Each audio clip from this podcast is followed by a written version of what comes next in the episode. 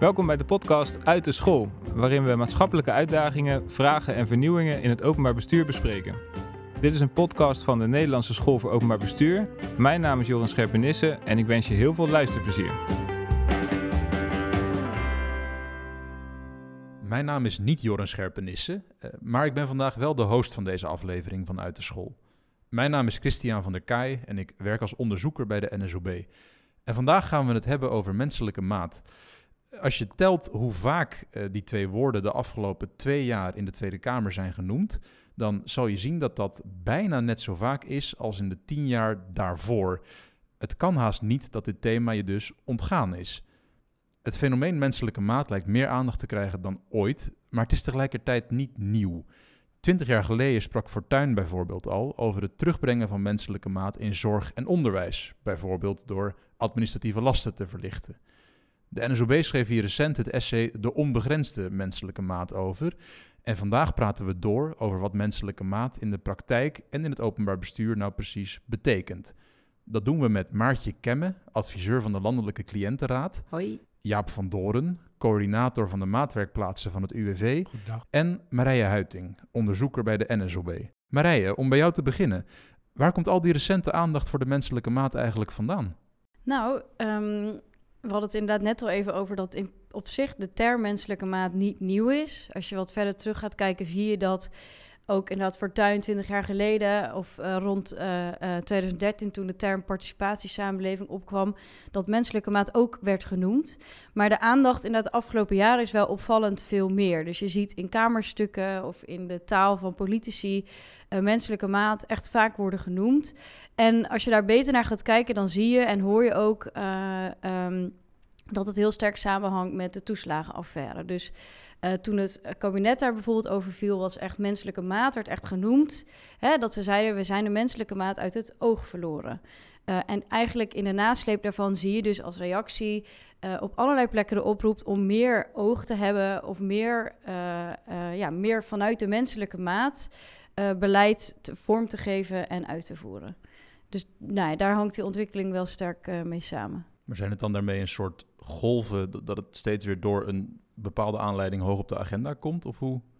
Nou, we hebben onderzoek gedaan naar menselijke maat. En een mhm. van de dingen die ik heb gedaan is ook eens terug gaan kijken. En dan zie je inderdaad wel soms piekmomenten dat die menselijke maat uh, vaker wordt genoemd. In ieder geval afgelopen 20 jaar ongeveer. Maar zoveel als de afgelopen jaren, dat is wel echt meer dan, dan eerder. In ieder geval hoe ver uh, we terug hebben gekeken. En opvallend is ook wel, denk ik, dat aan de ene kant zie je dat het ook wel uh, sterk samenhangt met toeslagenaffaire. Dus menselijke maat wordt zeker in het sociaal domein uh, uh, echt als thema genoemd, maar ook op andere plekken. Dus ook bijvoorbeeld bij als het gaat over landbouw of als het gaat over woningbouw, dan zie je ook op allerlei plekken dat die menselijke maat wordt genoemd. Boeiend dat het dan steeds zo vaak op, op allerlei vormen en gedaanten zeg maar, weer zijn opwachting maakt. Um, daar gaan we het veel, uh, nog veel uitgebreider over hebben in deze tekst. En daar is ook een, uh, in deze podcast moet ik natuurlijk zeggen. En daar is ook een, uh, een essay over geschreven, daarover later meer. Maartje en Jaap, jullie zijn het, het, brein achter de maatwerkplaats van het UWV, als ik het allemaal goed begrepen heb. En we gaan het natuurlijk hebben over wat dat is. Um, maar ik ben wel even benieuwd, hè? Marije gaf net die, die opkomst aan en die golven. Is dat nou ook een, een, een reden waarom jullie met die maatwerkplaats ooit begonnen zijn? Wat, wat was daar de, de aanleiding toe? Ja, die, die, die is eigenlijk al van heel erg daarvoor. Wat wel herkenbaar is dat het een hoogtepunt of dieptepunt kreeg door die toeslagenaffaire. Maar de, uh, wij waren al een jaar of acht, negen geleden begonnen met eigenlijk de vraag steeds stellen van... hey, dit kan toch niet de bedoeling zijn? Um, heel concreet, uh, bij UWV was er toen een, uh, een workshop voor cliënten die 50 plus waren, succesvol naar werk. Um, en die was alleen uh, voor dus mensen die 50 plus waren beschikbaar. En als je dan 49 jaar bent en al twee jaar werkloos en eigenlijk heel goed die workshop kon gebruiken, dan mocht je niet meedoen. En daar gingen wij dus echt de vraag van stellen van ja, dit kan toch niet de bedoeling zijn? En iemand die 50 is en uh, mee moet doen en eigenlijk helemaal niet de behoefte heeft, die mag wel en die 49-jarige niet. En met dat soort voorbeelden uh, begonnen wij zo'n acht jaar geleden van, goh, wat, wat is hier nou aan de hand en hoe kan dat nou? En uh, toen ging ik samen met uh, Daan, een collega van mij, gingen we workshops geven en toen kwamen we Maatje tegen. En op die manier begonnen wij eigenlijk al met zoeken met andere collega's van... hey, wat is nou de bedoeling? Wat misschien ook wel mooi is om aan te vullen. ik zat in die periode zat ik nog in de praktijk als arbeidsdeskundige. En ik kreeg met regelmaat, uh, of met regelmaat kreeg ik mensen aan mijn tafel waar je dan uh, wist dat een bepaalde voorziening het beste zou werken, maar die mocht je dan niet inzetten, want die stond niet in het lijstje van mogelijkheden. En dan dacht ik, ja, ik moet hier dus nee verkopen, terwijl ja het best passende antwoord was geweest. En ik ging daar ook wel mee in, over in gesprek met mijn collega's. En die zeiden allemaal, ja, dat herkennen we en dat doen we ook. En ik merkte ook dat die collega's daar allemaal heel wisselend mee omgingen. Dus de een zei van, nou ja, regel is regel, dus ik doe het niet, maar ik zie het probleem ook. En de ander zei, joh, dat fix ik, maar daar moet je niet over uh, praten, want dan krijgen we gedoe. En eigenlijk was het meest gehoorde antwoord, ja, wij vinden het ook raar, maar dit is hoe beleid het bedacht heeft, of hoe wet uh, regelgeving is ingericht. En ik dacht toen, oh, maar dat is wel heel raar. Uh, dus toen ben ik naar het hoofdkantoor gegaan, heb ik gesolliciteerd daar. En daar kwam ik eigenlijk uh, nou ja, Jaap en Daan tegen, die al bezig waren ook met die beweging vanuit een andere ja, oorsprong, zeg maar. En dus daar begon onze zoektocht. Ja.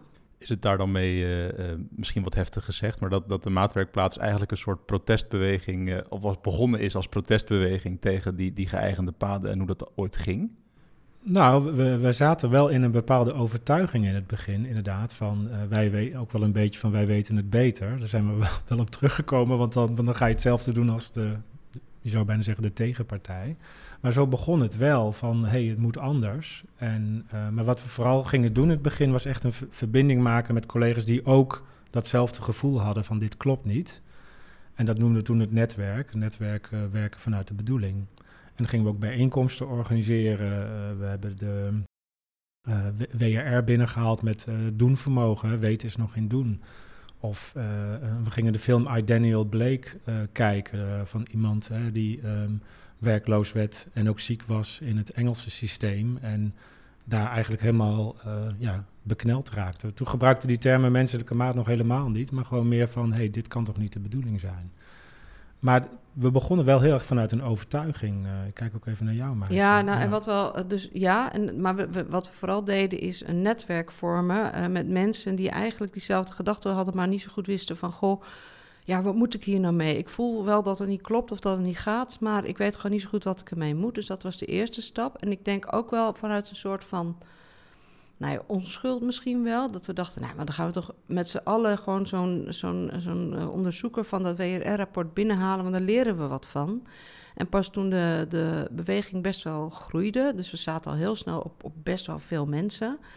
Um, toen ontdekten we ook dat we wat weerstand kregen in de organisatie. Toen werden we opeens uh, uit zaaltjes gezet die we gereserveerd hadden. Of um, werden op het matje geroepen omdat we een dag hadden georganiseerd uh, waarbij professionals hadden gezegd: Ja, wij komen hier niet uit. Help ons dus uh, met hoe we hier nu goed vorm aan moeten geven.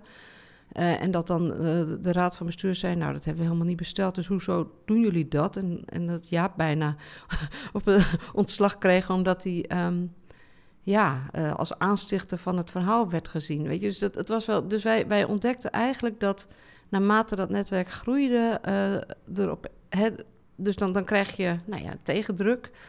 En wij dachten ook, oh, maar dan hebben we wel iets te pakken. Dus um, dat gaat natuurlijk altijd een beetje hand in hand. Ja. ja. Dus Marije, jij hebt ook natuurlijk al, al eerder, los van het, het, essay over de onbegrensde menselijke maat, meer geschreven over dit thema. Uh, over handhaving in de sociale zekerheid en dat soort uh, type van dingen. Uh, herken jij dat, dat ongemak dat blijkbaar gepaard kan gaan met dit soort, nou ja, het hierover hebben met elkaar? Ja, dus ik denk dat het sowieso goed is om het erover te hebben. Om het uit, misschien, jij noemt hè, Maartje, dat je dat in je eigen praktijk zag. En voordat je het weet, blijft het daar. En blijft het bij de, ja, wat professionals zelf proberen te doen. Maar juist de patronen daarin zien en het gesprek daarover is wel heel erg belangrijk. En ja, dat, dat roept wel snel toch spanningen op, omdat het uh, ja, bijvoorbeeld in kan gaan tegen hoe dingen al heel erg lang gaan. En je gaat ook het systeem bevragen. Um, dat kan wel spanning opleveren. Dat hoor je wel op allerlei plekken. Um, en in die zin is denk ik wel de zoektocht die achter de term menselijke maat zit, is ook wel heel erg het bevragen van dat systeem. En menselijke maat is uiteindelijk ook een spanningsvol begrip. Echt als je er goed naar gaat kijken van wat betekent dit in onze praktijk, dan kun je er denk ik uiteindelijk niet omheen dat dat wrijving oplevert. Ja, ja. Nou, en misschien ook nog wel leuk om daarop aan te vullen. Wij zijn uh, even wat stappen verder, ontdekten we eigenlijk dat die hele discussie over menselijke maat en maatwerk, dat het vaak een definitiekwestie werd. Hè? Dus wat is dan de menselijke maat en wat is dan maatwerk? En dat wij daar op enig moment ook uh, van constateerden. Oh ja, heel grappig, maar dit kunnen we eindeloos blijven doen. En dit werkt dus niet, want je blijft altijd tegenover elkaar staan. En uh, dus wij zijn aan de slag gegaan. En dat is dus een van onze meest leidende principes. Doen is weten. Aan de slag gaan, ontdek de patronen, ga leren en ga zo verder. Um, dus wij blijven ook vaak een beetje weg bij de strakke definitie van wat is nou maatwerk en wat is menselijke maat. Het zit echt in het doen en dan ga je ontdekken wat er nodig is en niet andersom. En, hoe, en daar, ja. Sorry, daar zit, daar zit dus ook die spanning, denk ik ook, die jij zo mooi benoemt. Ja. ja. en ik denk, zeg maar, de helemaal de andere kant op is dus... Hier hadden we natuurlijk in het, het vorige gesprek ook over van... En dat jullie zeiden van, we hebben niet met z'n allen echt een precieze uh, definitie opgezocht... maar wel dat je natuurlijk met elkaar nadenkt... wat zijn dan leidende principes bijvoorbeeld? Omdat wat mij opviel toen ik eens terugging en naar hoe menselijke maat in allerlei kamerstukken uh, wordt gebruikt, dan zie je uh, juist heel erg dat het heel vaak wordt genoemd zonder dat er enige ja, hoeft geen definitie te zijn, maar zonder dat er enige uitleg bij staat wat bedoelen we hiermee. Dus dan uh, dat kan denk ik ook een risico zijn dat je dus wel opschrijft van we willen meer menselijke maat. Maar als je niet dat gesprek met elkaar aangaat, wat het, wat het in ieder geval wat voor principe is dat dan uh, met zich meebrengt, dan blijf je ook weg bij de mogelijke spanningen die erachter vandaan komen. Dus dat is denk ik ook de andere kant. Dat je wel op een manier met elkaar dat gesprek aan moet gaan over wat het dan betekent. Is een van de grootste spanningen hierbij niet dat het heel erg een gevoelskwestie is? Dat, dat als het hebt over menselijke maat, dat iedereen daar een soort eh, een, een beeld bij heeft. Dat, dat voor iedereen anders kan zijn en iedereen zelf wel een voorbeeld heeft van een familielid, kennis, uh, collega die op een manier ooit tussen wal en schip geraakt is. Um, en waarvan je dan achteraf zegt, daar zou menselijke maat nou echt veel meer gehanteerd moeten worden? Ja, nou ja, misschien is het wel spannend omdat het een. Uh, um, het vraagt iets van je, namelijk een bepaalde alertheid. Het, het niet-pluisgevoel is iets heel normaals in de zorgsector. Um, maar feitelijk is dat ook waar wij onze, onze eerste stap zetten, zeg maar. En wat we zien is dat, het, het, uh, dat we de afgelopen jaren allerlei systemen hebben gebouwd waarbij heel veel professionals of heel veel mensen wel een niet-pluisgevoel krijgen, maar er niks meer mee doen. Dus wat wij hebben gezegd is, uh, uh, je moet inzetten op, inzetten op het leren herkennen en erkennen. En, uh, en, en dan uiteindelijk ga je bezig met opvolgen en voorkomen dat het nog een keer gebeurt. Dus um, het leren herkennen van een niet-pluisgevoel, dat is altijd afgaan op je intuïtie en je kennis en je vaardigheden in je vakgebied. Um, en daar ook de dialoog over aangaan, is dan het erkennen, zeg maar. Dus het gaat er niet over dat, uh, nou ja, we hebben prachtige voorbeelden. Uh, maar dat, dat, dat je zomaar denkt, nou, ik vind hier wel een maatwerk uh, dingetje leuk, dat moeten we maar gaan doen. Mm-hmm. Het gaat erover dat je met elkaar daar ook gesprekken over voert en een gezamenlijke norm ontwikkelt. Klinkt heel abstract. Jij bent altijd van de voorbeelden. Nou, nee, maar dus het begint wel bij een gevoel, hè? dus een niet-pluisgevoel of professionele buikpijn noemen wij het ook wel. En dan ga je wel um, met alle anderen die, die, die, niet, die niet direct dat gevoel hebben, ga je in gesprek. Dus die betrek je bij jouw probleem. En dan uh, kom je ook veel meer tot een, nou niet een objectief oordeel, maar wel een intersubjectief oordeel. Dus het is minder uh, uh, subjectief. kom, kom je toch wel tot een, een uitkomst. En daar hebben we ook methodieken voor en dergelijke, hè, om ook eigenlijk wel de, de, de uitkomsten objectiveren. En heb je, om, daar, om daar iets meer gevoel bij te geven, heb je daar een voorbeeld van? Hoe, hoe ziet dat er dan uit? Uh, nou, uh, er komt een, um, een, een, medewerker die komt met een, een, uh, een cliënt en die, die nou, daar willen we voor, um, die wil daar een, een, een reïntegratietraject voor inkopen. Dus die, uh, dat zijn dus een belangrijk uh, onderdeel van UWV om mensen weer aan het werk te helpen. En dat doen we met door middel van reïntegratietrajecten. En, maar deze cliënt zit in een bepaalde doelgroep en die, daar mag niet voor worden ingekocht. dat is gewoon uitgesloten. Um, maar dit is wel iemand die perspectief heeft. En ja, die, mede, die medewerker zit daar gewoon met van ja, dit, is dit nou de bedoeling? En ja, dan, dan gaan we met die casus, zetten we de collega's van beleid erbij. Uh, het liefst ook direct mensen van het ministerie erbij, want dit is ook iets wat in de wet uh, geregeld is. we zetten een jurist erbij. En zo ga je met al die mensen om tafel om dat probleem verder te, te verkennen. Van hé, hey, wat is hier nou aan de hand? En is dit echt de bedoeling? En willen we dit? Um, en dan in dit geval hebben we een doorbraak gerealiseerd en is er toch een traject voor deze cliënt ingekocht. En is de collega van beleid is hier ook mee naar het ministerie gegaan en is er een wetswijziging gekomen. Dus, dus dat is ook een belangrijk principe, het fix en solve. Dus dat we niet alleen het individuele, dat we niet een individueel probleem oplossen, maar dat we ook direct kijken van, hey, klopt dat systeem nog en kunnen we dat systeem veranderen? Maar wel met elkaar. En dus het is een heel weloverwogen besluit dan. Ja, dit klinkt ook nog wel een beetje alsof het uh, heel ad hoc is. Maar eigenlijk wat we hebben gebouwd is een stelsel. Um, want maatwerkplaats is niet alleen bij UWV. We hebben bij de Sociale Verzekeringsbank dezelfde beweging. Uh, bij het uh, ministerie Sociale Zaken. inmiddels is het een overheidsbrede maatwerkplaats. Dus we zijn heel erg bezig met het bouwen van die beweging. Waarbij je eigenlijk. Um, waar, we, waar we de afgelopen jaren hebben geleerd om op zoek te gaan naar die kleine foutjes in het systeem, de cracks want daar zit informatie en elke, elke casus heeft het DNA van het systeem in zich. Um, dus wat wij hebben, wij zijn elke keer gaan we op zoek naar, hé, maar waar gaat er nou iets mis? Want dat is interessant. En, uh, en dan gaan wij kijken naar um, uh, wat is hier dan precies gebeurd en waar zit het dan dat het niet goed gaat en wie heb je er allemaal bij te betrekken. Uh, dus dat, dat is wat je zo langzaam met elkaar gaat ontdekken, zeg maar. Marije, ik denk dat jij op, misschien op iets meer nog een systemisch niveau kijkt naar, naar, naar zo'n nou ja, systeem als dit. Uh, uh, waar zitten volgens jou die, die, die, die cracks waar Marije het net over heeft? Die spanningen in waar uh, um, nou ja, dingen rondom menselijke maat in het geding kunnen komen? ja, dus in ieder geval in de voorbeelden die Jaap en Maartje noemen. Um, waar het mij aan doet denken is... Misschien om even wat context te geven over ook waar we het in het essay over hebben. Wij zijn in het onderzoek gaan kijken wat betekent nou menselijke maat in allerlei praktijken. Um, en een belangrijk onderscheid wat we hebben gezien is dat uh, menselijke maat in ieder geval op twee heel verschillende manieren invulling krijgt. Um, wat wij twee uh, routes hebben genoemd. En je zou kunnen zeggen, in die ene route is de mens het vertrekpunt. En in de andere route is de maat het vertrekpunt. Um, als je zegt we nemen de maat als vertrekpunt, dan is eigenlijk menselijke maat dat je niet zozeer voor individuen, maar op hoger niveau, bijvoorbeeld voor een bepaalde beleidshervorming, gaat kijken hoe kunnen we um, ja, ons bewust zijn van de impact van dit beleid op mensen. Um, bijvoorbeeld groepen mensen. Dus uh, wat ik daar een interessant uh, uh, voorbeeld in vind, is dat bijvoorbeeld bij JNV merkten ze dat gedetineerden. Um, als die uit de gevangenis komen, heeft soms een groep van een deel van hen geen paspoort meer of ID-bewijs, omdat die verlopen is. Dus hebben ze gezegd: we gaan op systeemniveau kijken of we voor deze groep een oplossing kunnen bedenken, zodat als ze in de gevangenis zitten, toch hun paspoort kunnen verlengen. Dat is echt een um, ja, wat meer voor een groep een oplossing.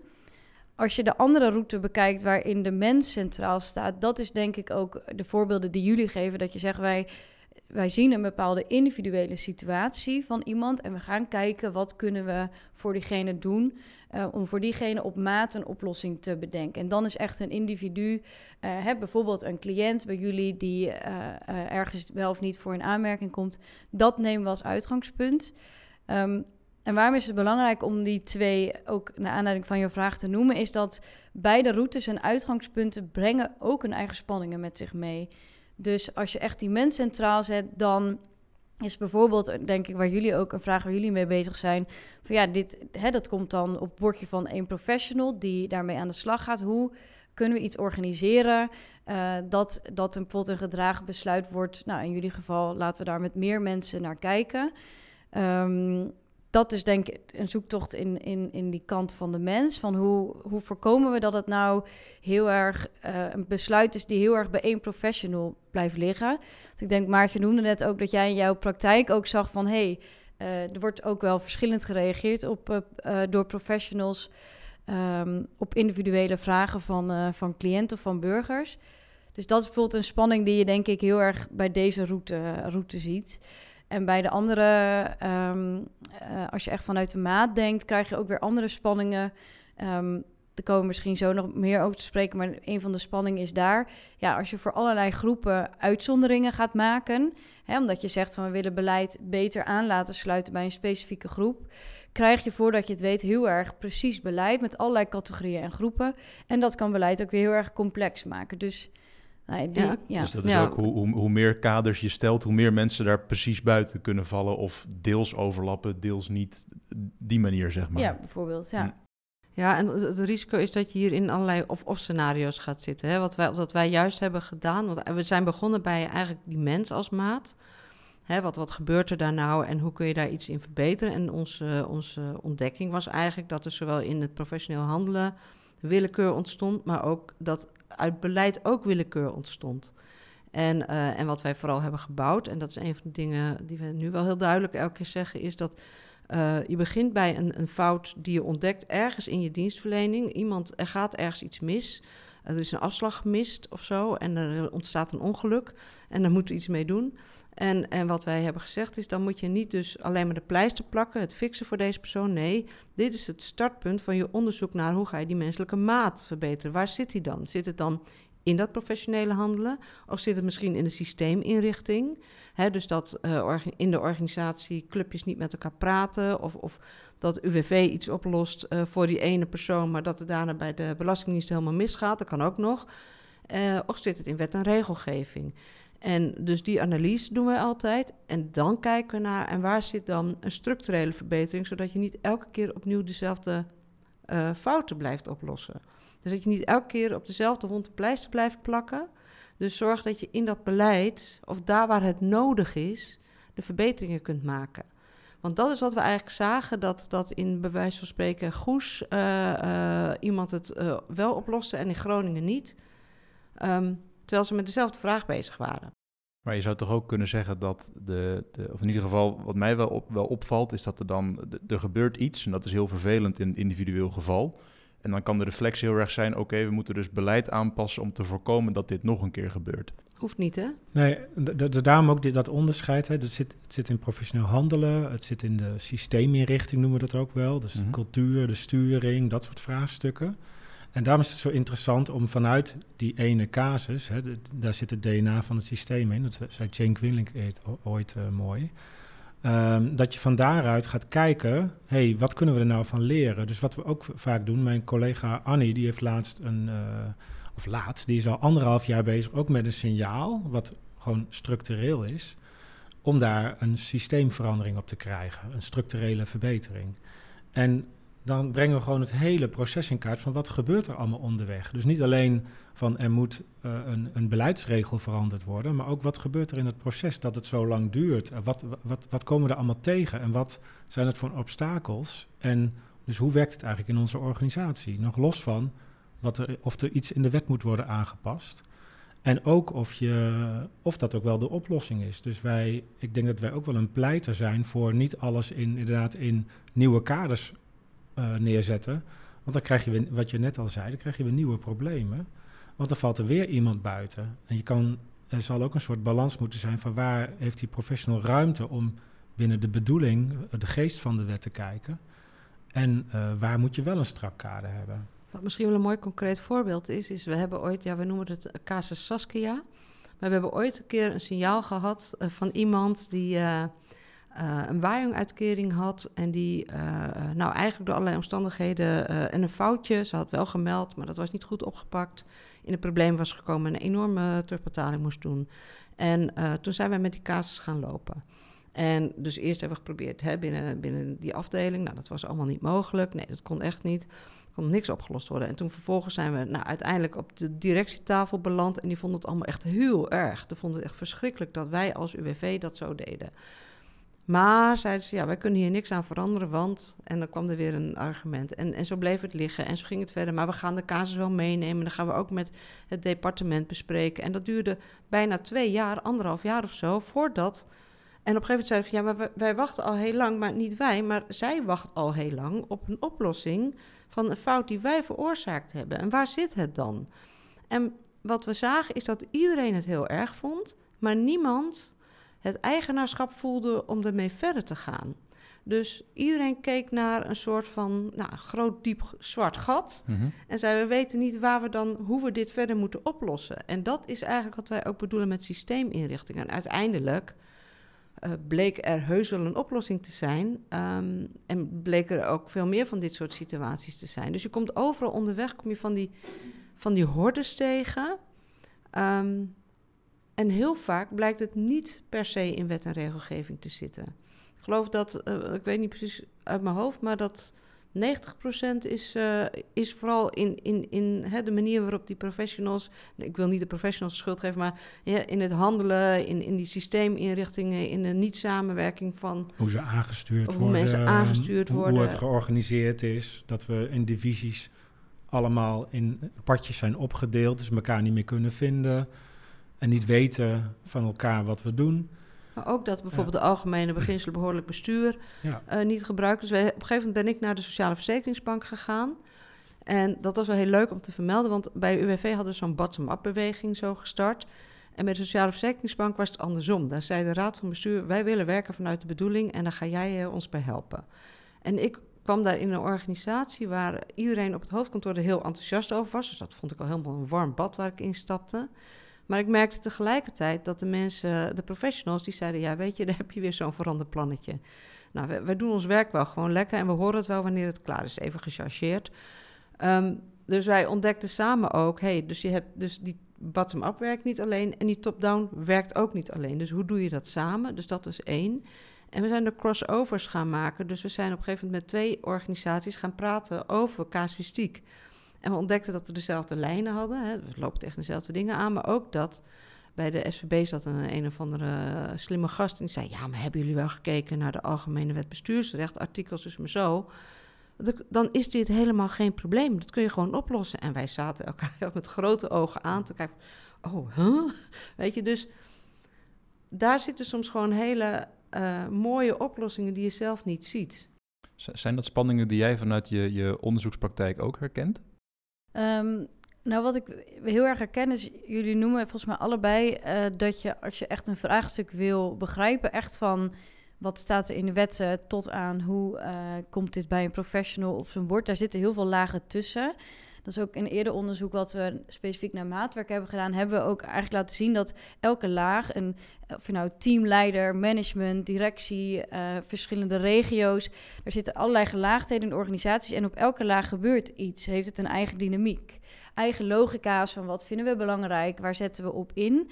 Um, dus als je die spanningen wil begrijpen, denk ik dat je heel goed naar die gelaagdheid in die organisatie ook moet kijken. Dus um, dat vind ik wel mooi uh, uh, wat jullie daarin noemen. En dat is denk ik juist ook bij menselijke maat. Um, ik denk ook als je bijvoorbeeld nu allerlei, uh, bijvoorbeeld op gemeentelijk niveau, de coalitieplannen of de, de, de raadsakkoorden gaat lezen, dan nou, zou ik me niet verbazen als in bijna elke plan de ambitie staat voor meer menselijke maat. En ik heb daar wel eens wat van op een rijtje gezet. En ook best wel nou, grote ambities van betrokkenheid van burgers in een wijk. Voor die menselijke maat. Tot allerlei plannen. En juist denk ik wel dan ook begrijpen van... oké, als we dat op politiek of hoog bestuurlijk niveau willen... Uh, wat betekent het dan voor uiteindelijk dat echt dat niveau van de professional in de praktijk... Um, dat dat wel be belangrijk is om te begrijpen hoe dat aan de ene kant misschien top-down doorwerkt en wat er bottom-up ook opcijpelt. Um, ja, want ik heb ook wel eens bestuurders gefrustreerd horen zeggen van ja, wij willen wel meer menselijke maat, maar het gebeurt niet. We komen allerlei weerstand tegen in de organisatie. Um, bijna vanuit een soort verbazing uh, wordt dat dan gezegd. Denk ja, maar er zitten vaak voor een professional ook allerlei redenen om bepaalde ideeën over menselijke maat, om dat misschien van hun bordje te houden, omdat ze al veel te doen hebben. Dat is ook wel een spanning die we hoorden in de gesprekken die we hebben gevoerd. Uh, bijvoorbeeld van uitvoeringsorganisaties. Van ja, er wordt nu eigenlijk weer. We moeten allerlei dingen doen rondom menselijke maat. Ah, we doen al, proberen al van alles. Maar tegelijkertijd wordt er nog veel meer van ons gevraagd. En het telt niet altijd op. Dus menselijke maat is dan ook spanningsvol in verhouding tot andere dingen die we verwachten van uh, bijvoorbeeld professionals in de uitvoering. Dus het is dan geen, geen weerstand, maar meer een soort botsing van logica's. Ja, het kan overkomen als weerstand. Maar dan is denk ik belangrijk om te onderzoeken waar die weerstand vandaan komt. Uh, wat er speelt bij mensen, waardoor ze dat een eerste reactie is. En tegelijk denk ik ook wel op zoek gaan naar die bottom-up initiatieven die er vaak wel zijn. Ehm, Nou, wat, wat wat- daar ja, gebeurt. en wat we daar doen, of wat wij proberen te doen, want het is echt, het is elke dag weer leren en oefenen, maar is ook om dat hele systeem, dus die bestuurder, eh, die- al die lagen ertussen en de praktijkprofessional bij elkaar aan tafel zetten. En vanuit, want er komen hele mooie kreten. Eh, een collega van mij die had even eh, van de week in een kwartiertje gezocht intern van wat er bij UWV allemaal aan kreten wordt geformuleerd over menselijke maat. Nou, die had, dus in een kwartiertje had hij twee A4'tjes vol. Maar hoe maak je dat nou concreet? Eh, en ehm, hoe ga je daar van elkaar eh, mee leren? Dus echt letterlijk, dat die wat is nou die belemmering bij die praktijkprofessional om dan toch niet eigenlijk die mooie kreet doen wat nodig te doen? Hè, wat, wat, zit er allemaal in de weg?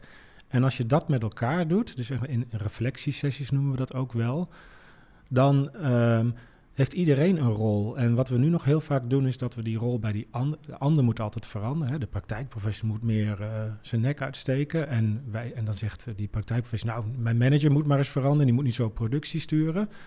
Maar als je dat met elkaar dat gesprek aangaat, dan heeft, zie je dat iedereen een rol heeft. En dat is echt die, eh, die zoektocht waar we nog lang niet uit zijn, maar wel waar je het begin van het leren krijgt.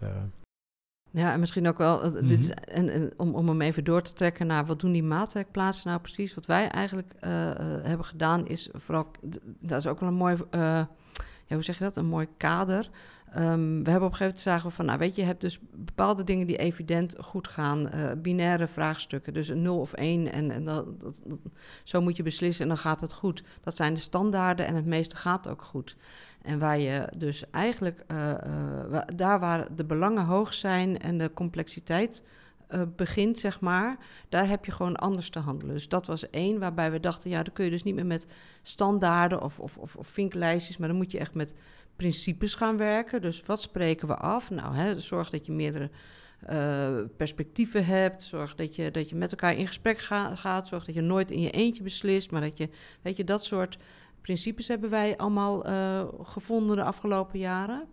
En het andere is dat we bijvoorbeeld merkten, wat jij net beschreef, dat ehm, eh, bij de Sociale Verzekeringsbank zagen we ook dat als dan een vraagstuk in die mooie garagesessies besproken werd, dat er een, een soort van hiërarchische, ehm, eh, nou hoe zeg het, verschillen zaten.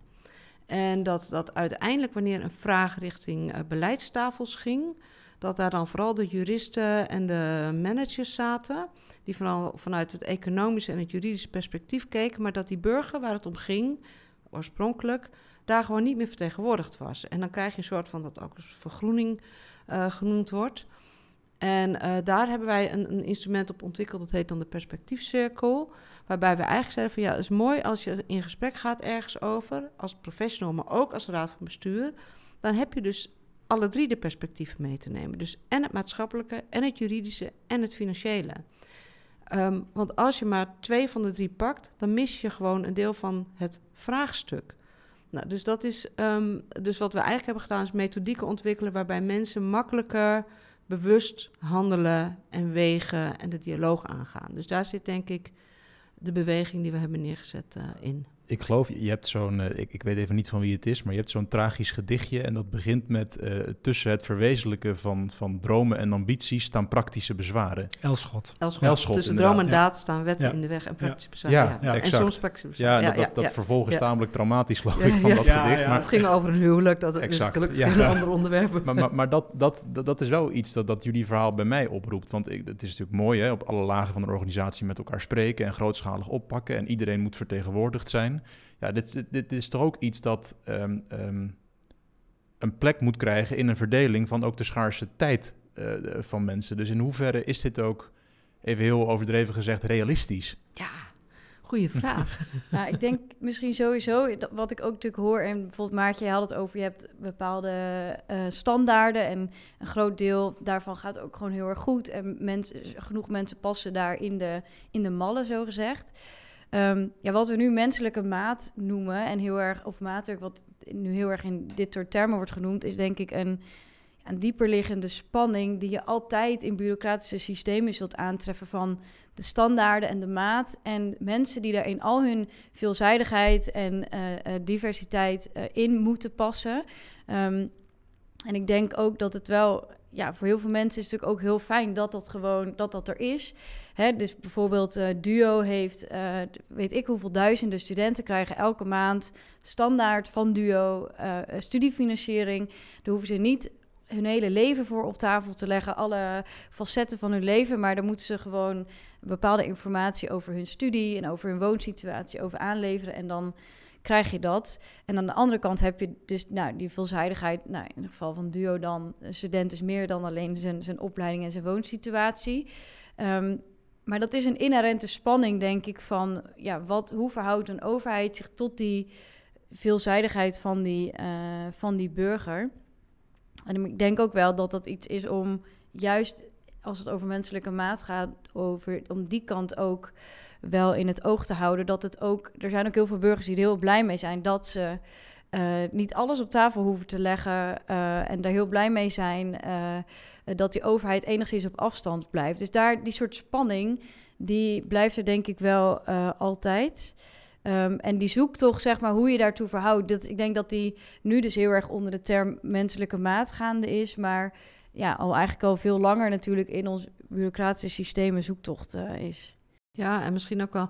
Kijk, wat jij eigenlijk beschrijft is ook wel een beetje de, wat ook wel onder de 80-20 regel uh, wordt ge, genoemd. Dus 80% gaat goed, 20% gaat niet goed. Zo, uh, het is een, soort van richting. En wat wij eigenlijk zeggen is, ja, maar het moet 100% goed gaan. En dat wil niet zeggen dat alles in één keer goed moet gaan. Dus als een deel onder die standaard uh, gewoon in die binaire afwikkeling goed gaat, dan is dat prima. En tegelijkertijd heb je als organisatie ook dat deel dat nog niet goed gaat, heb jij dienstverlening te bieden. En daar moet je je organisatie op inrichten. En wat je dan ziet, is dat de afgelopen jaren ook met het nieuw public management en een combinatie van ook dat hele bureaucratische systeem, is dat een beetje kwijtgeraakt. We moeten zo snel mogelijk, zo hard mogelijk door, zoveel mogelijk productie draaien, zoals het dan wordt genoemd. En daar zijn wij een beetje ingestapt. Want je gaat altijd krijgen dat dingen gewoon niet lukken of niet goed gaan door de manier waarop wij zijn ingericht als overheid. Dat geeft niet. Dat zijn verrassingen waar je op voorbereid kunt zijn. En die kun je ook opvangen om, om te zorgen dat ze sneller weer goed gaan. Dus dat is het systeem dat wij, ja, het klinkt heel, heel plat, maar een soort van lekbak voor problemen.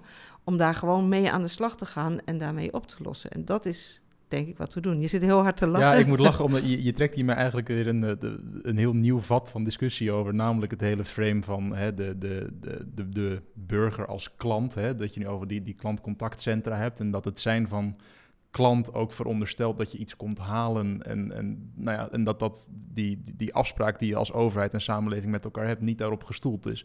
Maar goed, dat is een heel andere discussie waar we nu misschien wat verder vanaf moeten blijven. Um, uh, ook omdat we al richting een afronding van het, uh, van het gesprek toe gaan. En um, ik heb altijd van Jorren geleerd dat als het gaat over het, tijdloze van, uh, van een podcast, dat je eigenlijk nooit een datum uh, moet noemen. Maar ik zou er voor vandaag misschien toch wel een uitzondering voor willen maken. we nemen dit op op 22 november. Hè. Vandaag zijn de, de, verkiezingen voor de Tweede Kamer. Um, en we begonnen dit gesprek met dat het de afgelopen twee jaar veel vaker eigenlijk weer gaat over menselijke maat dan in de periode daarvoor. Uh, we hebben dat denk ik ook in de afgelopen campagne wel heel veel uh, voorbij zien komen. Nogmaals, het kan zijn dat mensen dit luisteren en dat we in een formatie zitten en dat het allemaal weer hele andere kanten op gaat. Um, maar daar hebben we nu nog helemaal geen last van. Uh, waar zou het nou de, de, de komende tijd naar, naartoe kunnen gaan? Wat, hoop je, Marije, dat wordt besproken of gewogen als het gaat over menselijke maat de komende tijd? Um nou, we beginnen ons essay ook met vertellen hoe uh, je bijvoorbeeld ook in de toeslagenaffaire ziet dat mensen bijna echt vermorzeld zijn in die bureaucratie. Um, en ik denk dat dat echt wel een belangrijk thema is en moet blijven. Uh, van oké, als we dat als vertrekpunt nemen, hè, dus Maartje noemde dat ook als perspectief.